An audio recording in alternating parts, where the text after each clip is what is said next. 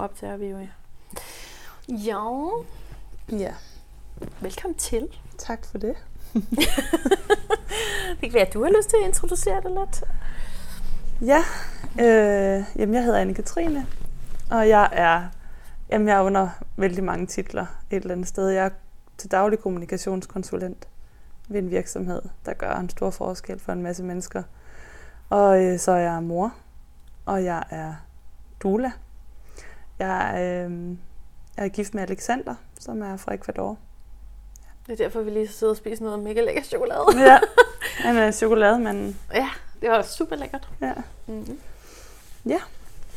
Så det tror jeg lidt om mig. Jeg er et menneske, der elsker at rejse og være sammen med andre mennesker. Mm-hmm. Mm. Og lige nu så er jeg rejst herop til Aalborg, hvor du bor, og vi sidder i din stue. Ja. Det er mega hyggeligt. Ja, der er er vel her Nordenfjords, øh, Nørre Sundbys lille oase her. Ja. Mm. Mm. Jamen, jeg har jo øh, skrevet ud og spurgt øh, kvinder, om øh, de har lyst til at fortælle deres fødselshistorier.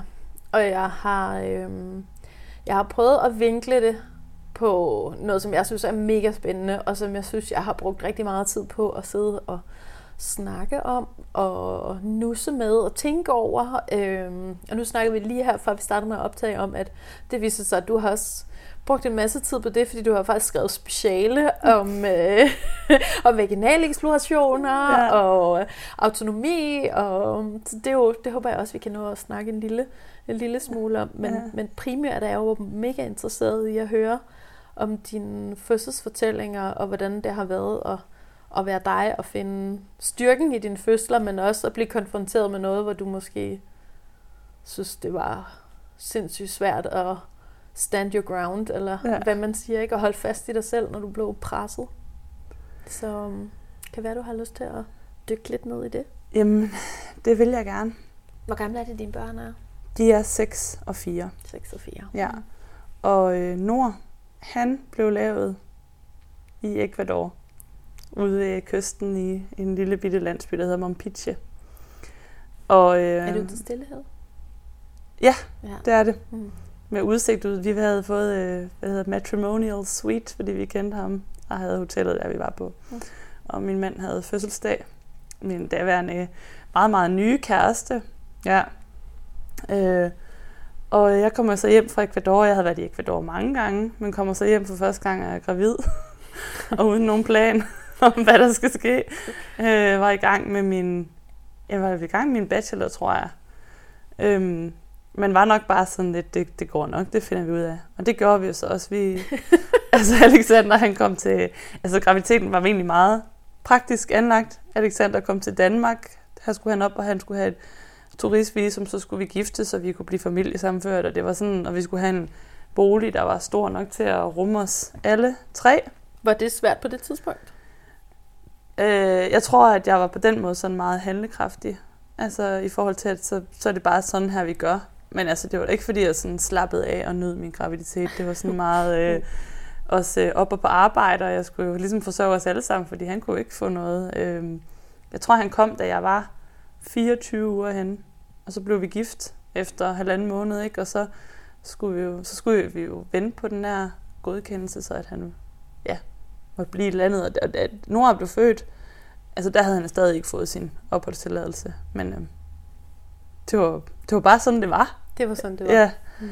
Øhm, og så øh, og så tror jeg egentlig, at sådan, jeg havde læst rigtig meget mange af sådan nogle grundbøger omkring graviditet og fødsel.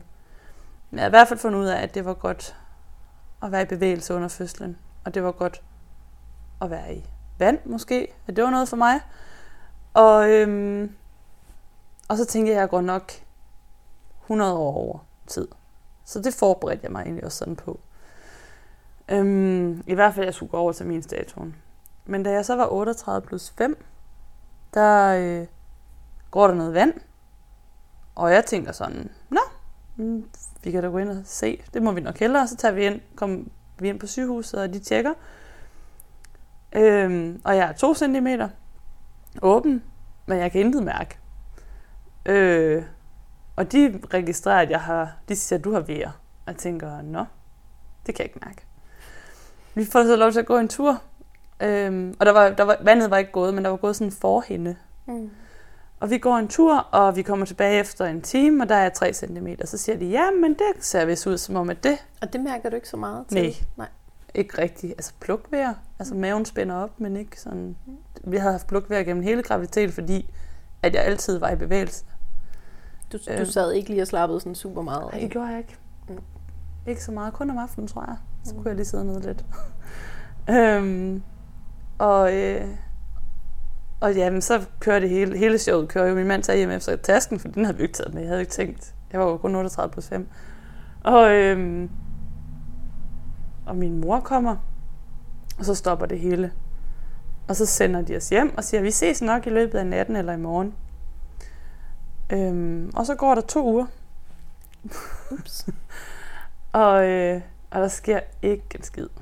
Og som sagt var jeg jo ligeglad med, at jeg skulle gå over tid. Men det var jeg ikke længere. Fordi nu havde jeg i løbet af den der tid inde på sygehuset sat mig op, at nu skulle jeg føde. Så de der, de der to uger, de var forfærdelige. Altså, jeg ville bare gerne føde. Så jeg gik og gik og gik så mange ture. Altså, og der kom bare ikke noget barn. Og så øh, brugte jeg, ja da jeg så var 40 plus 5, der gik jeg en mega lang tur og havde rigtig meget sex med min mand og spiste ananas og var sådan, altså helt vildt aktiv. Og så begyndte der så at ske noget. Og jeg var jo, det var om aftenen, og jeg var pissetræt, fordi jeg ude brugt en meget lang tur. alle mine kræfter på at gå ture og øh, være sammen med min mand og alt, hvad jeg havde, ikke? Så jeg var træt, da fødslen gik i gang. Men altså, sådan var det. Og vi ringede flere gange ind til sygehuset, at vi gerne ville ind, men der gik noget tid, før vi sådan fik lov. Øh, da vi så tager der ind, så tager vi så turen over broen. Det kan jeg huske som noget, jeg synes, der var forfærdeligt. At skulle være på det der bagsæde sammen med min mor foran og min, og min mand. Og så gik broen selvfølgelig op, Limfjordsbroen, så vi kunne holde der. Og den Det var da langsomste, egentlig helt utroligt irriterende. ja, det langsomste skib nogensinde, der skulle Var det, der. nej, ja, fordi så må det jo have været om morgenen nu, eller hvad? Eller gik den op midt om natten? Nej, jeg tror klokken den har været 10-11 om aftenen. Nej, det var da også utroligt, at broen lige skulle gå op der. Ja. Det var april, og, og sådan, der er sådan nogle tidspunkter. Okay, det, det er en ting. Det Ja. ved man, når man bor ved Limfjorden. Ja, det er ja. en ting, der, der er åbningstider og lukketider om sommeren. Ja, Ja, men det vidste fødslen ikke. nej, og det ramte bare rigtig dårligt. Men vi kom derind, og jeg blev tjekket, og jeg var langt nok til, at jeg måtte blive. Altså, jeg tror faktisk, jeg var sådan, jeg tror, jeg var en 6-7 cm eller sådan et eller andet. Så kommer jeg i et kar, og øhm, Hvordan havde du det? jeg havde det fint. Ja. Altså, jeg var egentlig sådan meget, jeg, jeg brugte, jamen, uden at vide det, nogle yoga vejrtrækningsøvelser. Altså, jeg trak vejret dybt ind, og så pustede jeg så langsomt ud, som jeg overhovedet kunne. Mm. Og det koncentrerede jeg mig bare om. Tråd, Ja. eller hvad det, man kalder den, ikke? Jamen, og, og det, altså, det, Det gik fungerede. bare helt vildt. Ja. Og jeg gik rundt sådan og bevægede mig, og kunne i hvert fald mærke, at jeg skulle ikke ned og ligge på siden, prøvede sådan lidt forskellige ting. Og øh, min mor var der, hun har født fem børn. Og, øh, og jeg tror bare, var sådan meget observerende og spændt, fordi jeg er hendes eneste datter, og det var den første fødsel, hun skulle med til osv. Og min mand, han forstod ikke et ord dansk, men han var der. Øh, og øh, så kom jeg i det her kar, og det var bare så dejligt, og så tog vejerne bare helt vildt meget fedt. Det er Mm. bare det bedste for mig, tror jeg. Så der var jeg ikke i særlig længe. Og som sagt, så tror jeg, jeg kom derind ved 11-tiden. Øhm, og allerede sådan over midnat, ja, det må være omkring klokken 1, ja, omkring klokken 1, begynder vejerne sådan at ændre sig lidt. Og jordmoren, hun mærker mig på et tidspunkt, hvor jeg er 9 cm eller sådan et eller andet. Øhm, og jeg husker bedst hende, som sådan, hun stod med ryggen til mig over ved den der skærm der, og stod og skrev journal. Og øh, jeg fik også nogle bistik på et tidspunkt, hvor jeg sådan tænkte, det kan jeg da godt prøve. Men det var bare sådan en anden smerte, lige den ved, og det var så det. Så ellers så var der ikke sådan, det var sådan, jeg synes egentlig meget, det var mig og min mand, der bare havde, han skulle holde mig i hånden, og jeg skulle have en våd klud mellem hver ved på panden. Det var det. Det fungerede. Det var det, der fungerede, og det kørte bare. Øhm, og, øh, Og så på et tidspunkt, så... Jamen, jeg tænker, at jeg begynder at lave nogle andre lyde. Jordmoren, hun spørger mig i hvert fald sådan, om jeg har lyst til at presse. Og jeg tænker, da hun siger det, så tænker jeg, ja, det ville da være dejligt, fordi så møder jeg da snart mit barn. Ham har jeg jo ventet på i 100 år. Og min mor, hun har fortalt mig siden, at hun tænkte der sådan, ah, allerede nu, ikke? Hun synes måske ikke lige sådan, hvad, ud, hvad hun kunne huske fra sig selv, vel? Men hun er ikke øh, sundhedsfaglig uddannet eller noget. Og, så hun sagde jo ikke noget, men hun tænkte bare... fem fødsler. Ja, jeg tror bare, hun sådan tænkte, ja, det var lidt mærkeligt. Jeg begynder at presse. Og jeg presser og presser, og der sker ikke en skid. Og øh, altså sådan... Var du i karret på det tidspunkt? Ja, det var jeg. Og jeg tror, jeg pressede i karret i en time. Og så kom jeg op og skulle tisse og kom i igen. Og jeg kunne ikke tisse, og så skulle jeg det der kateter, halløj, eller hvad det hedder. Den der, det var forfærdeligt ubehageligt. Øhm, og så op ad karret igen, hvor vi så sagde, nu skulle vi nok op og prøve noget. Og så fik jeg, så begyndte vejerne at aftage.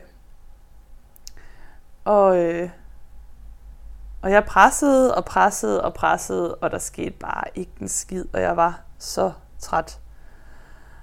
Og da der var gået to timer, spurgte de om tilladelse til at fortsætte, fordi jeg gerne ville på det tidspunkt fortsætte, for jeg var bare så opsat på, at det her, det ville jeg selv. Det kunne da ikke passe, at det ikke kunne.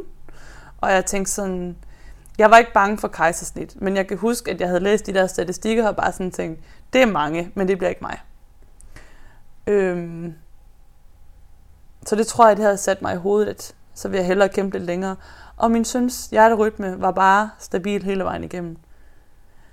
Fordi jeg fik jo aldrig pressevejr. Altså min krop, den har bare gjort det så godt, og så lige pludselig så har jeg bare gjort noget helt andet, end det den bad om. Og så tror jeg bare, at den har bare sagt, no, no, no, no, hvad laver du? Jeg har jo arbejdet imod den. Så jeg arbejdede imod min krop i de der to timer og fik så stimulerende, som jo ikke hjalp en dyt, fordi det var jo stadig ikke det, jeg skulle. Altså, den havde jeg brug for, at jeg stoppede med at presse.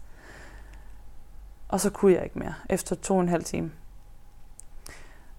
Og, øh, og så blev det lagt om til, eller lagt om, men der blev i hvert fald gjort til, at han kunne blive taget med kop. Men han var langt nok til, ned til, at det kunne være blodkop. Og den oplevelse ønsker jeg ikke for nogen. Det var så smertefuldt og ubehageligt. Altså det, var, det føltes som et overgreb. Jeg kan huske, at jeg blev altså holdt fast i og fik at vide, at jeg skulle holde op med at råbe, fordi at, at jeg skulle presse nedad, og jeg skulle koncentrere mig om det, og det, det gjorde også, men jeg var, jeg var så udmattet. Altså, og, og følte det som et kæmpe nederlag, fordi jeg bare syntes, det havde gået så godt, og jeg forstod ikke, hvad der gik galt. Øhm, og så kom min søn ud, og havde det godt, og han kom ud, jeg tror det var efter to træk eller sådan et eller andet, øh, og koppen røg ikke af på noget tidspunkt. Og så kom han op til mig, og, øh, og det var helt fantastisk, men det var også, det gjorde også ondt, fordi at jeg var ikke rigtig til stede, fordi den her, det her, øh, hvad hedder den her kop og den her oplevelse af, hvordan de satte koppen på. Altså jeg blev heller ikke forberedt, og der var jo tid til at forberede, fordi vi havde kørt to og en halv time, men der var ikke nogen, der kom og sagde til mig, det her det gjorde ondt, det er sådan og sådan her, vi gør, eller et eller andet. Hvad, hvad skete der? Må du prøve at beskrive det? Jamen der kom væltet bare lige pludselig en masse mennesker ind.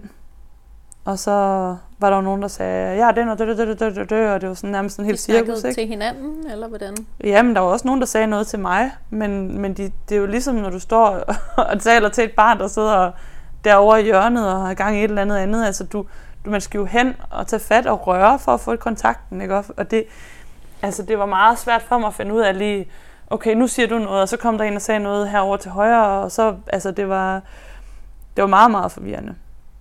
Og det var meget, meget ubehageligt. Og det var smertefuldt. Men på den der... Jeg tror, det var endnu mere smertefuldt, fordi jeg blev skide bange. Altså, jeg forstod ikke, hvor kom alle de her mennesker lige pludselig fra. Så jeg havde... Var du bange? Øhm, så jeg var ikke bange for, hvad der skulle ske med mig. Jeg var heller ikke bange for, at der skulle ske noget med mit barn. Jeg tror bare mere, at jeg var sådan bange for, hvad nu det her? Fordi jeg havde tænkt, jeg havde ikke tænkt, at kop var en mulighed. Altså det var egentlig ikke noget, jeg sådan havde sat mig ind i, at, at det var noget, der skulle ske.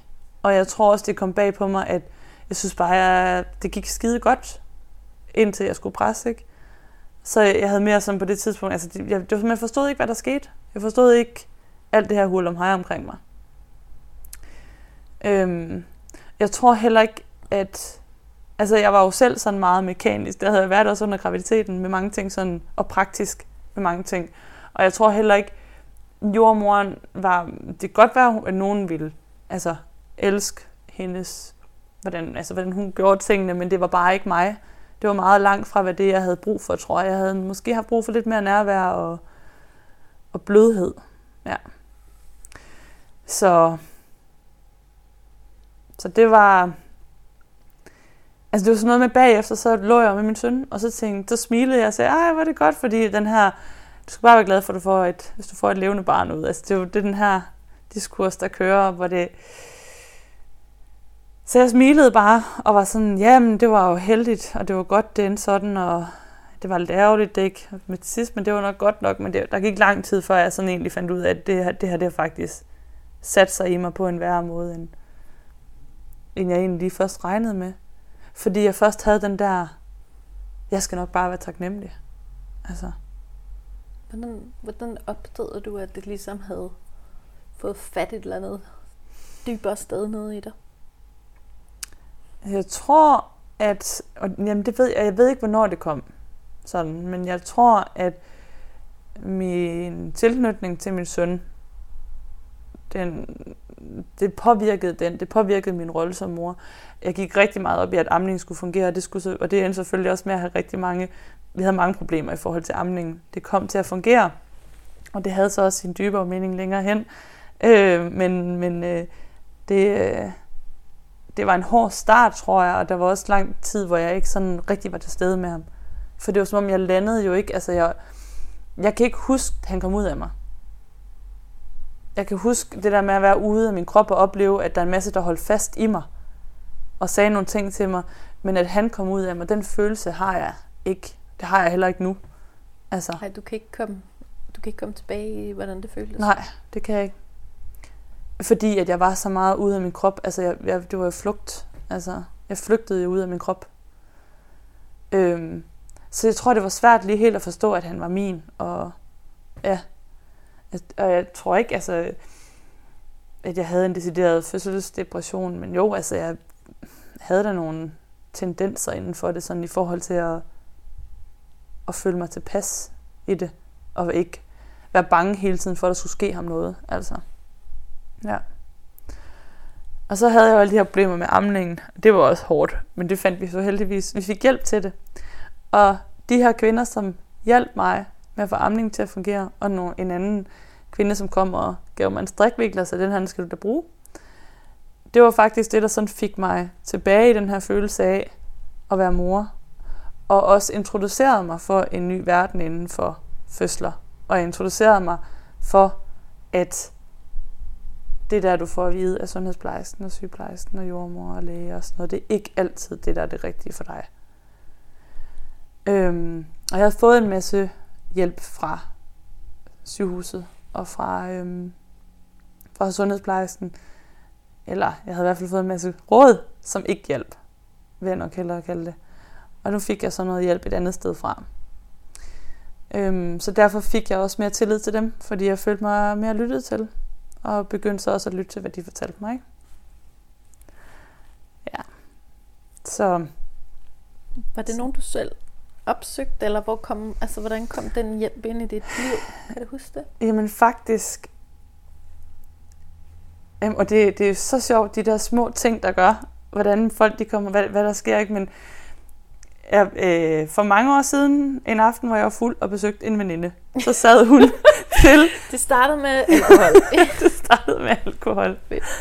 Jamen, der var jeg henne ved, henne ved hende, og hun havde en... Altså, de havde sådan en fire, øh, nej, de var tre par, der sad sammen, og så kom jeg af den her vilde single pige, der bare gerne ville drikke noget mere i byen. Og vi havde en mega sjov aften, og der mødte jeg så øh, Anne, jeg tænker, hun godt vil lade mig sige hendes navn, okay. som, øh, som jeg sådan, altså på den måde lærte vi hinanden at kende lidt, men bare for den ene aften. Og da jeg så var gravid med Nord, der blev hun også gravid med Otto, som så den dag i dag er Nords bedste ven. Øhm, men det, der var rigtig, rigtig sjovt, det var, hun, hun, hun havde så en søn, der var lidt ældre, og hun kom simpelthen hjem og sagde til mig, I kan gøre sådan her, I kan tage den her vægt, så kan du tage ham, bære ham rundt med den. Og når du har det der med amningen, du skal ikke, det er ikke ordentligt, der, det er ikke okay, at der er sår på, du skal have fat i ammenet, du skal have hjælp hos ammenet. Og så sendte hun mig ind til ammenet, som jo nu, nu er noget større, end de var dengang, men dengang var det bare en lille bitte Facebook-gruppe på 400-500 personer. Og så nogle kvinder, der langtid samlede deres børn og, og havde en masse erfaring, som de også ligesom havde fået fra La Leche League. Og de hjalp mig. Og så tror jeg, der gik... Jeg tror, jamen så var jeg med inde i Ammenet og, og fulgte meget med derinde. Og så tror jeg, der gik... Øh, da min søn han var 11 måneder, der fik jeg lov til at komme ind og så blive ammevejleder hos dem. Og der var der så sådan et online en cirkel af kvinder, og øh, vi støttede hinanden i rigtig mange ting, og var der for hinanden, og, og Armenet voksede så også samtidig. Så det var, det var en rigtig, rigtig fed tid at opleve, øh, hvordan vi kunne hjælpe hinanden og hjælpe andre. Og der stødte jeg så på det her med, at man kunne blive doula. Og så tog jeg den uddannelse som doula, og begyndte at læse rigtig meget, og fandt jo så ud af, blandt andet, at når min fødsel endte sådan, fordi jeg pressede, før jeg var klar, og så videre, som jo helede en del i mig. Øhm, og så tror jeg, at jeg havde været doula i nogle måneder. Og så blev jeg gravid igen. Og så kom der jo et kæmpe, så går der et enormt arbejde i gang med forberedelse af, hvad der så skal ske næste gang. Og øh, jeg skulle da i hvert fald føde hjemme.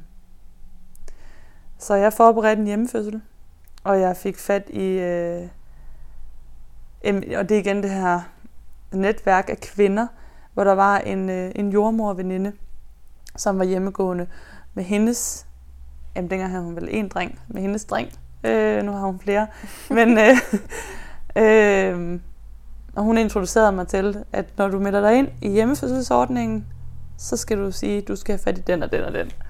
Det gjorde jeg, fordi hende stolede jeg bare på. Det jeg vidste, hvis Fie siger sådan, så er det det, jeg gør.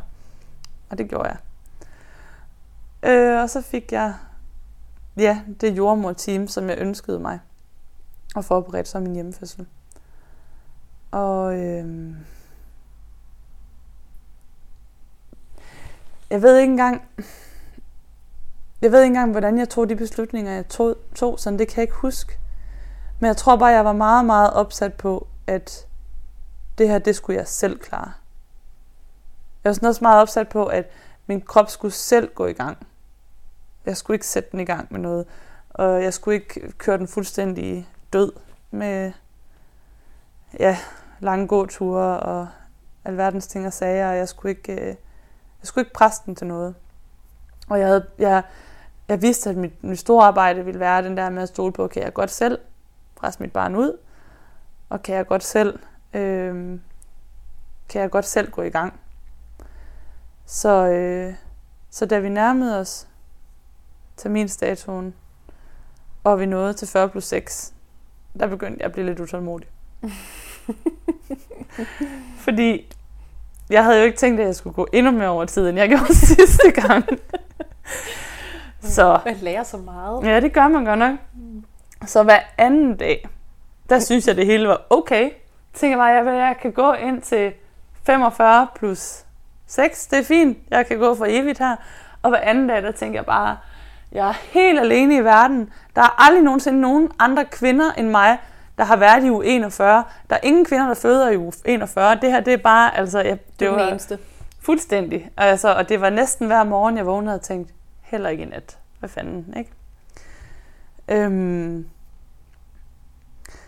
og så, øh, så tror jeg, at jeg til, da jeg var, jeg var 40 plus 4 en torsdag, og der havde jeg nogle dage inden sagt, at okay, hvis vi når der 40 plus 4, så det kan godt være, at jeg skal have en hindeløsning, for ligesom ikke at skulle ind og døje med alt det der med sygehus og så videre. Øh, men da jeg så nåede 40 plus 4, så var det så egentlig der, hvor jeg sagde, nej, jeg skal fandme selv gå i gang. Så Hvordan, øh, hvordan kom du frem til det? Men jeg, men jeg tror, jeg tror, det er fordi, at jeg tænkte, jamen der var noget i mig, der ikke ville, jamen der ville holde fast i den her, hvad, hvad kan man kalde det, øh, fuldstændig uberørte fødsel. Altså en fødsel, hvor der bare sådan, jeg kunne gå ud i en skov og vente, og så føde derude, og så gå hjem uden. Altså, det var den, at jeg havde brug for. Jeg havde virkelig brug for, at, og jeg havde jo brug for at mærke, at min krop godt kunne selv at jeg ikke skulle gå den i gang. Altså, nu er det egentlig mærkeligt at sige, men på det tidspunkt var jeg faktisk i tvivl, om min krop godt selv kunne føde, uden at jeg skulle presse den helt vildt til alt muligt. Jeg tror, at øh, samtlige kvinder, der har prøvet at blive sat i gang, eller prøve at sætte sig selv i gang på den Mhm. måde, du beskriver, har den oplevelse. Ja, Det kan jeg ikke. Jeg tror simpelthen ikke på, at jeg kan selv. og det havde jeg virkelig. Altså, jeg, og jeg tror også samtidig, jeg havde den der logi, altså logiske tankegang, der sagde, det kan jeg jo godt, så du bliver nødt til lige at klare pesten, og så lige. Så jeg ringede ind og aflyste den der hændeløsning, og så sagde jeg til min mand, jeg har ikke lyst til, at vi skal ind på sygehuset. Vi, havde, vi fik jo så en tid til samtale om igangsættelse. Øh, da det var, da, når jeg var 41 plus, ja, når jeg skulle være 41 plus 5 dagen efter, tænker jeg det var. Ja, om fredagen. Og, øhm, så der sagde altså der satte jeg mig simpelthen ned og lavede en plan A, B, C. Plan A, det var, at hvis alt så godt ud, tog vi hjem og ventede til mandag. Hvor jeg jo så ville være 42 plus et eller andet, ikke? Øh, var det semi ikke så godt, kunne jeg sige ja til en henløsning. og var det rigtig skidt, ville jeg blive derinde og blive sat i gang. Og det var sådan, jeg havde brug for den der plan A, B, C. Fordi, at ellers så ville jeg komme derind og være i tvivl, og så bare tænke, okay, vi gør, hvad de anbefaler, men med at jeg havde lavet de her plan A, B, C, så var det ligesom, det bestemmer jeg, og jeg tager en af mine planer. Og så øhm, kunne jeg jo noget reboso, og instruerede min mand i at give mig lidt reboso. Øhm, fordi det ville jeg egentlig hellere end, jeg synes det var mindre, øh, hvad siger man, en Invasivt? invasivt, ja, invasivt, Mm. mm. end, at, øh, end at skulle have en hændeløsning eller andet, hvis nu vi kom dagen efter. Så han gav mig sådan to minutters reboso fem gange den dag, eller sådan et eller andet. Tog han på arbejde om aftenen, og mens jeg lå og ammede min søn ved en 8 tiden, der tænkte jeg, nå, det kunne godt være sådan, der begyndte noget muren. Og øh, jeg tror klokken den var halv 11 eller sådan et eller andet. Hvor så kunne jeg ikke ligge ned inde ved ham længere, og min mand han var så kommet hjem fra arbejde. Så der måtte jeg op og gå lidt rundt. Og så ringede jeg til min svigerinde og min mor klokken 11 og sagde, nu kan jeg ikke ligge ned længere, nu må I godt komme. Fordi jeg tænker, at det her det bliver nok til en fødsel på et tidspunkt. Og så tror jeg, at jeg ringede til min jordmor. Vi skulle have kamerahold med jo. I skulle have kamera Vi havde sagt ja til, til at være med til, i, en, i et program, der skulle sendes på TV2 om hjemmefødsler. mm. Så øh, Jeg har set det. det er også et rigtig godt program. Så lækkert. øhm, føde godt hjemme bedst, hed det. Og det var rigtig, rigtig det var fedt at have dem, fordi vi har jo det hele på video. Øhm, Og det var mange mennesker. Det var mange mennesker, men jeg tror faktisk også, at jeg bare sådan...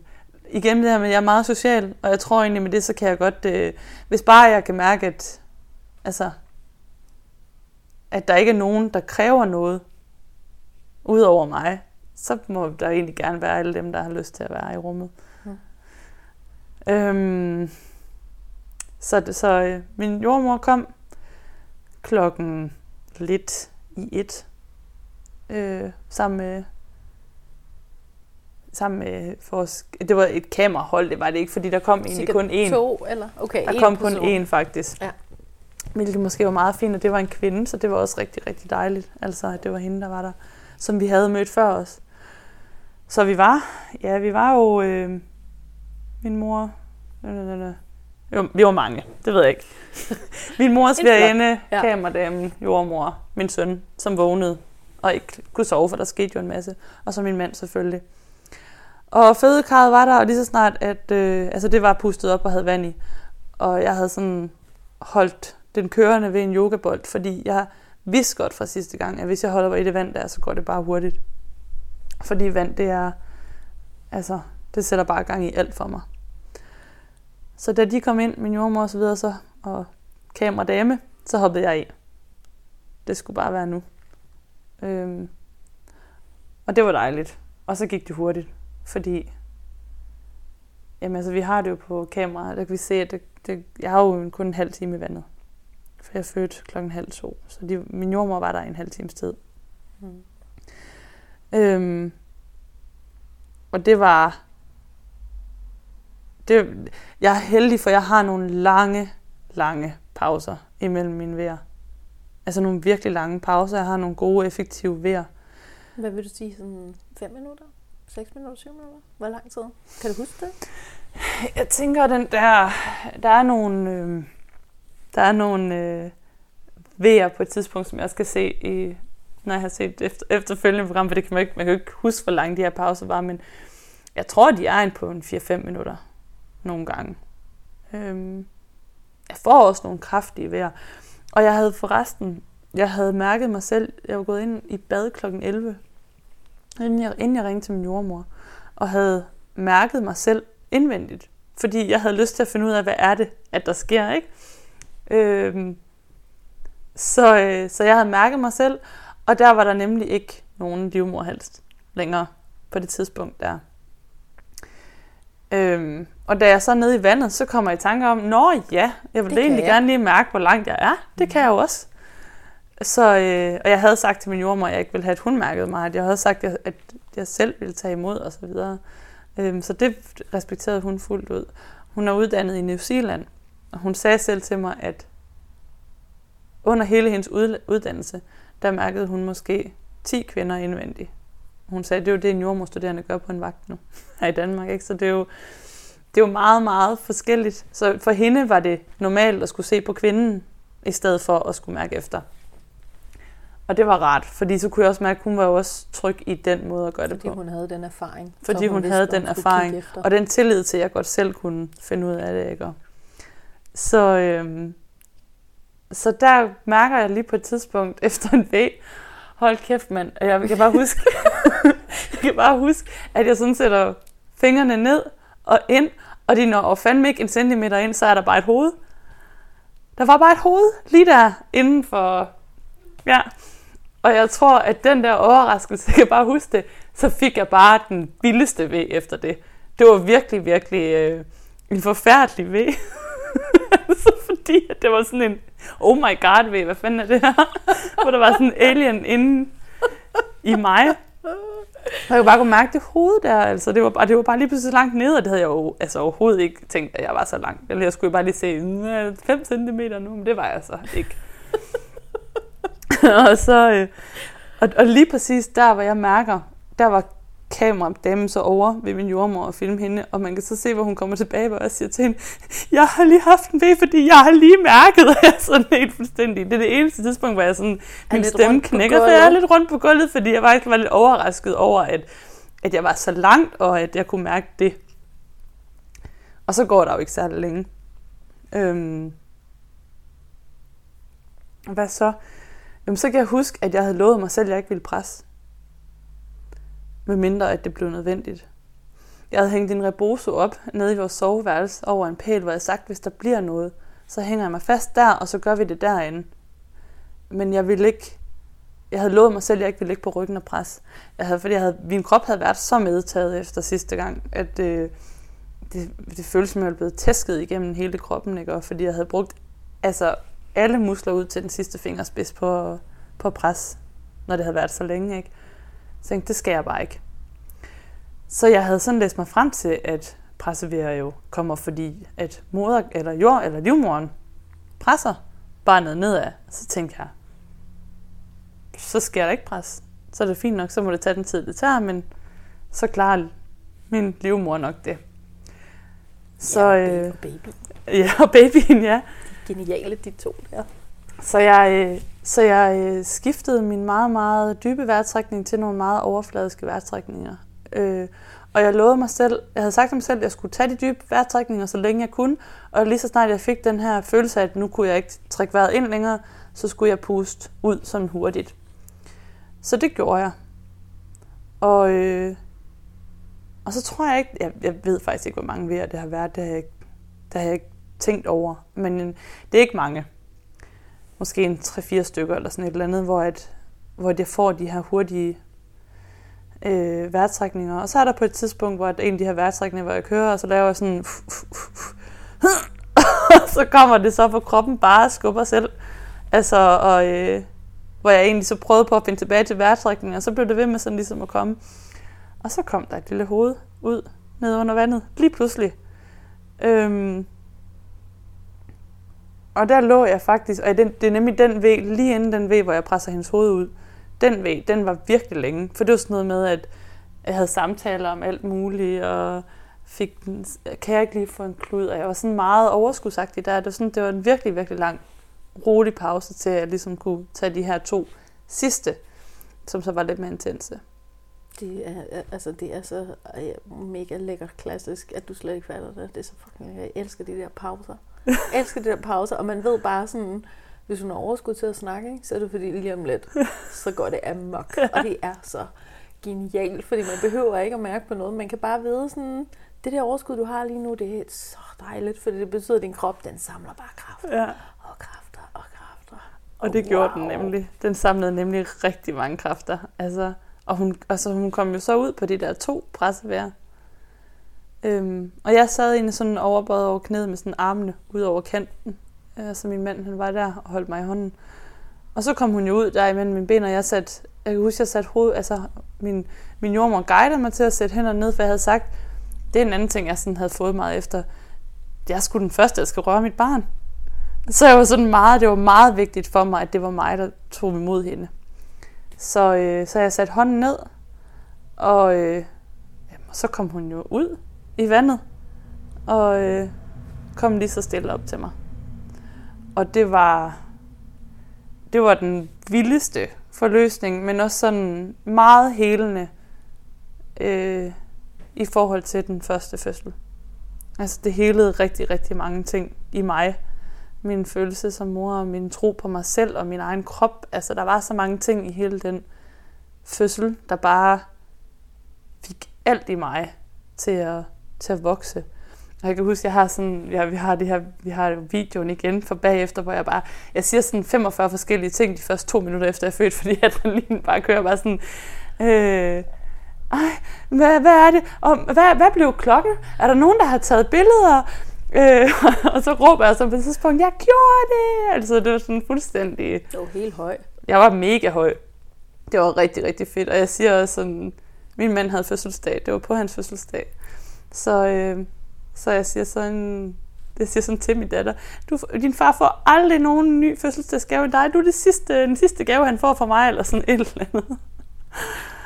og, øh, og, så, øh, og, så, og så tror jeg, jeg får også sagt til min jordmor, det skal jeg bare gøre igen det her. Og hun bare siger, det skal du gøre mange gange, fordi altså, hun var bare så støttende igennem det hele. Det var hun virkelig. Øhm, men det der så sker, det er, jeg, og det, det er det, jeg ligesom har tænkt siden, der. jeg tror, jeg gik så meget ud af fødselsland der, i det øjeblik, fordi at øh, det var som om, at al den her forberedelse, jeg tænkte om, jeg vil gerne det her, jeg vil gerne selv gå i gang, jeg vil gerne selv føde, jeg vil gerne selv tage imod, og alt det her, det var blevet opfyldt, alt det, jeg havde ønsket om. Så jeg var færdig der. Men der Men var jo bare lige en jul, det var min krop ikke. Så der manglede jo en moderkage. Altså, øhm, og jeg kan huske, at altså, efter Nords fødsel kom øhm, vejerne med det samme bagefter. Moderkagen ploppede bare ud. Øh, men det gjorde den ikke. Der kom ikke noget. Jeg sad der i karret, der skete ingenting. Og jeg kommer op af vandet og kommer over og øh, ligge på, vi havde, sådan, vi havde sat en seng op i stuen, hvor jeg kunne ligge på bagefter. Og der sker bare ingenting. Altså jeg får ikke rigtig nogen sådan eftervejer, der, der giver noget som helst. Og det der så var med, det var, at, øh, at øh, af nogle andre årsager, som i forhold til en fødsel, min jordmor havde haft tidligere, så ville hun rigtig gerne have, at den kom ud. Øh, og jeg, og jeg, øh, hvad hedder det, stolede også på, at det var, som det skulle være med det. For jeg begyndte også med at få sådan et kvalme, og jeg begyndte at få det dårligt, fordi ja, det var bare sådan ubehageligt, at den ikke bare kom ud, og der ikke skete noget, at der ikke kom de her eftervær. Og jo, øh, hun havde så trukket lidt i den, så den var gået i stykker. Så vi blev enige om, at vi skulle ind på hospitalet en tur, lave en overflytning. Øhm, og det gjorde vi så. Og øh, det, der er rigtig sjovt ved den her overflytning, det var, at den kunne altså også noget. Fordi at, øh, ja, der bliver gjort klar til alt det her, der bliver ringet efter en ambulance og så videre. Ambulancen kommer, det er min kusines mand, der kommer og henter. Meget lokalt. Han har hentet mig to gange i ambulancen. Den anden gang, der var jeg fuld inde i Omforenegade. Apropos. Og havde vredet om på foden. Det startede med alkohol. Oh, ej, det Alt før mine, alle historier før mine børn, det handler om alkohol. Ej. Ja, jeg var 24 dengang. Ja, jo, jo, jo.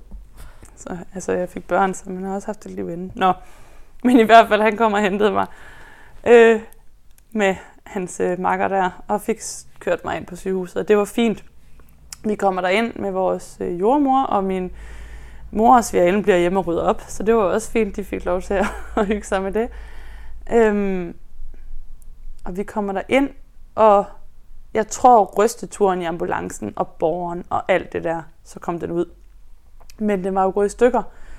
Så de står derinde, de her, altså min egen jordmor, og så også nogle andre jordmøder, står og skal ikke lige, kan ikke lige helt vurdere, om det hele er der, eller om der mangler noget. Om der sidder et stykke indeni Inden i mig. Øhm, og så øh, er de ude og spørge, jeg tror, de er ude og snakke med en fødselslæge. Øh, og jeg kan huske, at der blev kaldt til kejsersnit. Jeg kan huske den der røde lampe, der bimpede derude. Øh, så det havde de også, altså der var, der var, jeg tror, der var ikke travlt, men der var mange kejsersnit den aften. Måske. Det var i hvert fald mit indtryk. Og så øhm, sagde de til mig, at de faktisk, jo, fødselslægen kom ikke og så mig, men de fortalte, jeg tænkte, at de har snakket med hende om mig, og så anbefalede hun, at jeg blev. Og så nævnte hun to typer medicin, som var noget stærkere, noget end syntocinon, tænker jeg. Jeg ved ikke, hvad det har været. Øh, og så skulle jeg blive derinde i to dage. Men hvor jeg så samtidig får at vide, at, at det anbefaler de, fordi det kunne jo godt være, at den at det her stykke det kommer ud, og hvis jeg begyndte at bløde meget, så skulle jeg komme ind igen, og det kunne egentlig også godt ske efter en uge, hvor jeg sådan tænkte, jamen hvad er forskellen så på, at jeg kommer hjem nu, eller om en uge? Øh,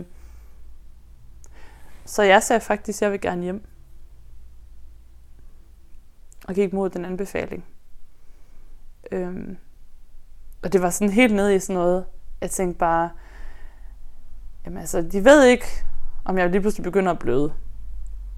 Og jeg kan lige så godt lige pludselig begynde at bløde om en uge, åbenbart. Så hvorfor skulle jeg bruge de her to dage her? Fordi jeg har lige født, og jeg har min lille datter her, og jeg vil hjem og dele det med min søn, som lige har set mig blevet kørt afsted i en ambulance.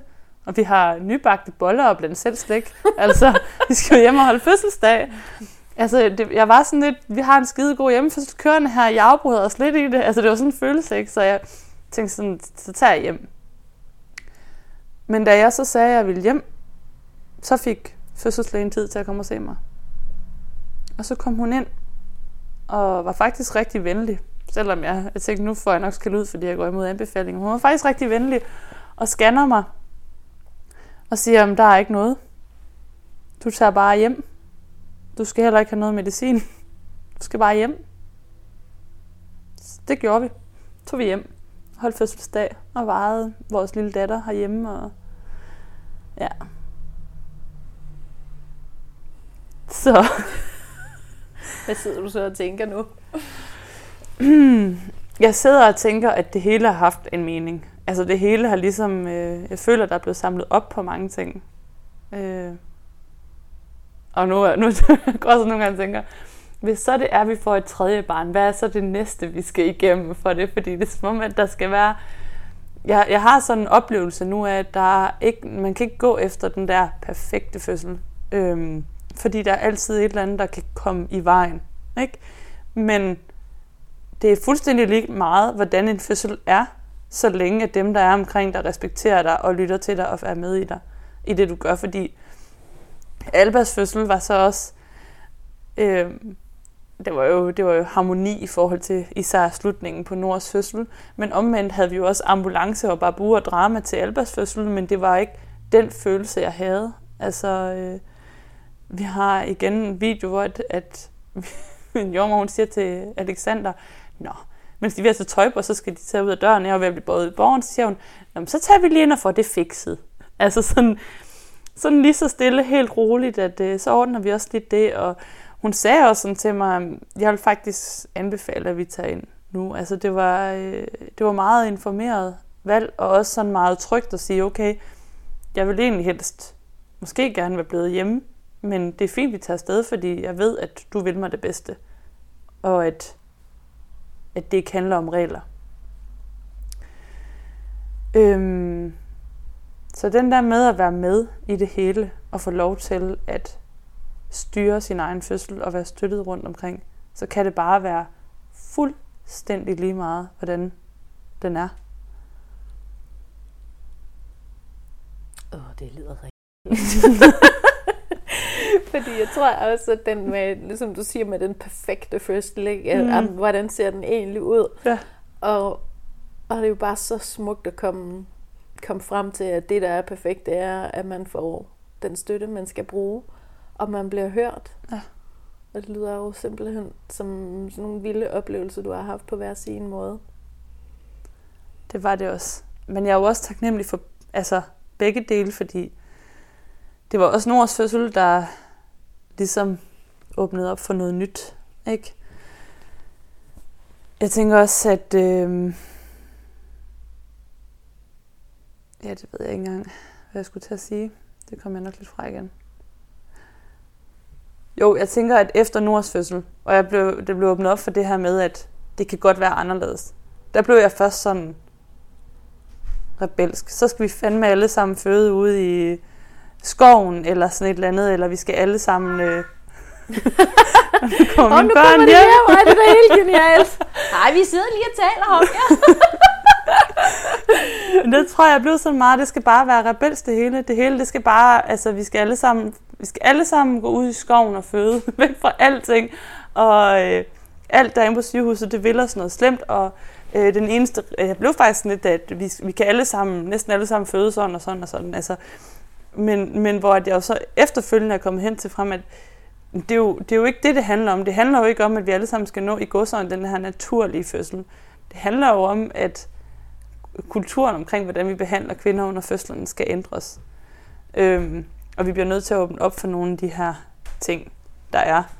Øh, og derfor har jeg også senere kunne, øh, kunne støtte, kunne støtte, hvad hedder det, øh, jeg har senere kunne støtte nogle kvinder, øh, i deres kejsersnit, i valg om kejsersnit, og faktisk også vejlede dem hen, fordi det har været det, de har følt, der har været, altså det, der har været tryggest for dem, i forhold til de situationer, de har været i.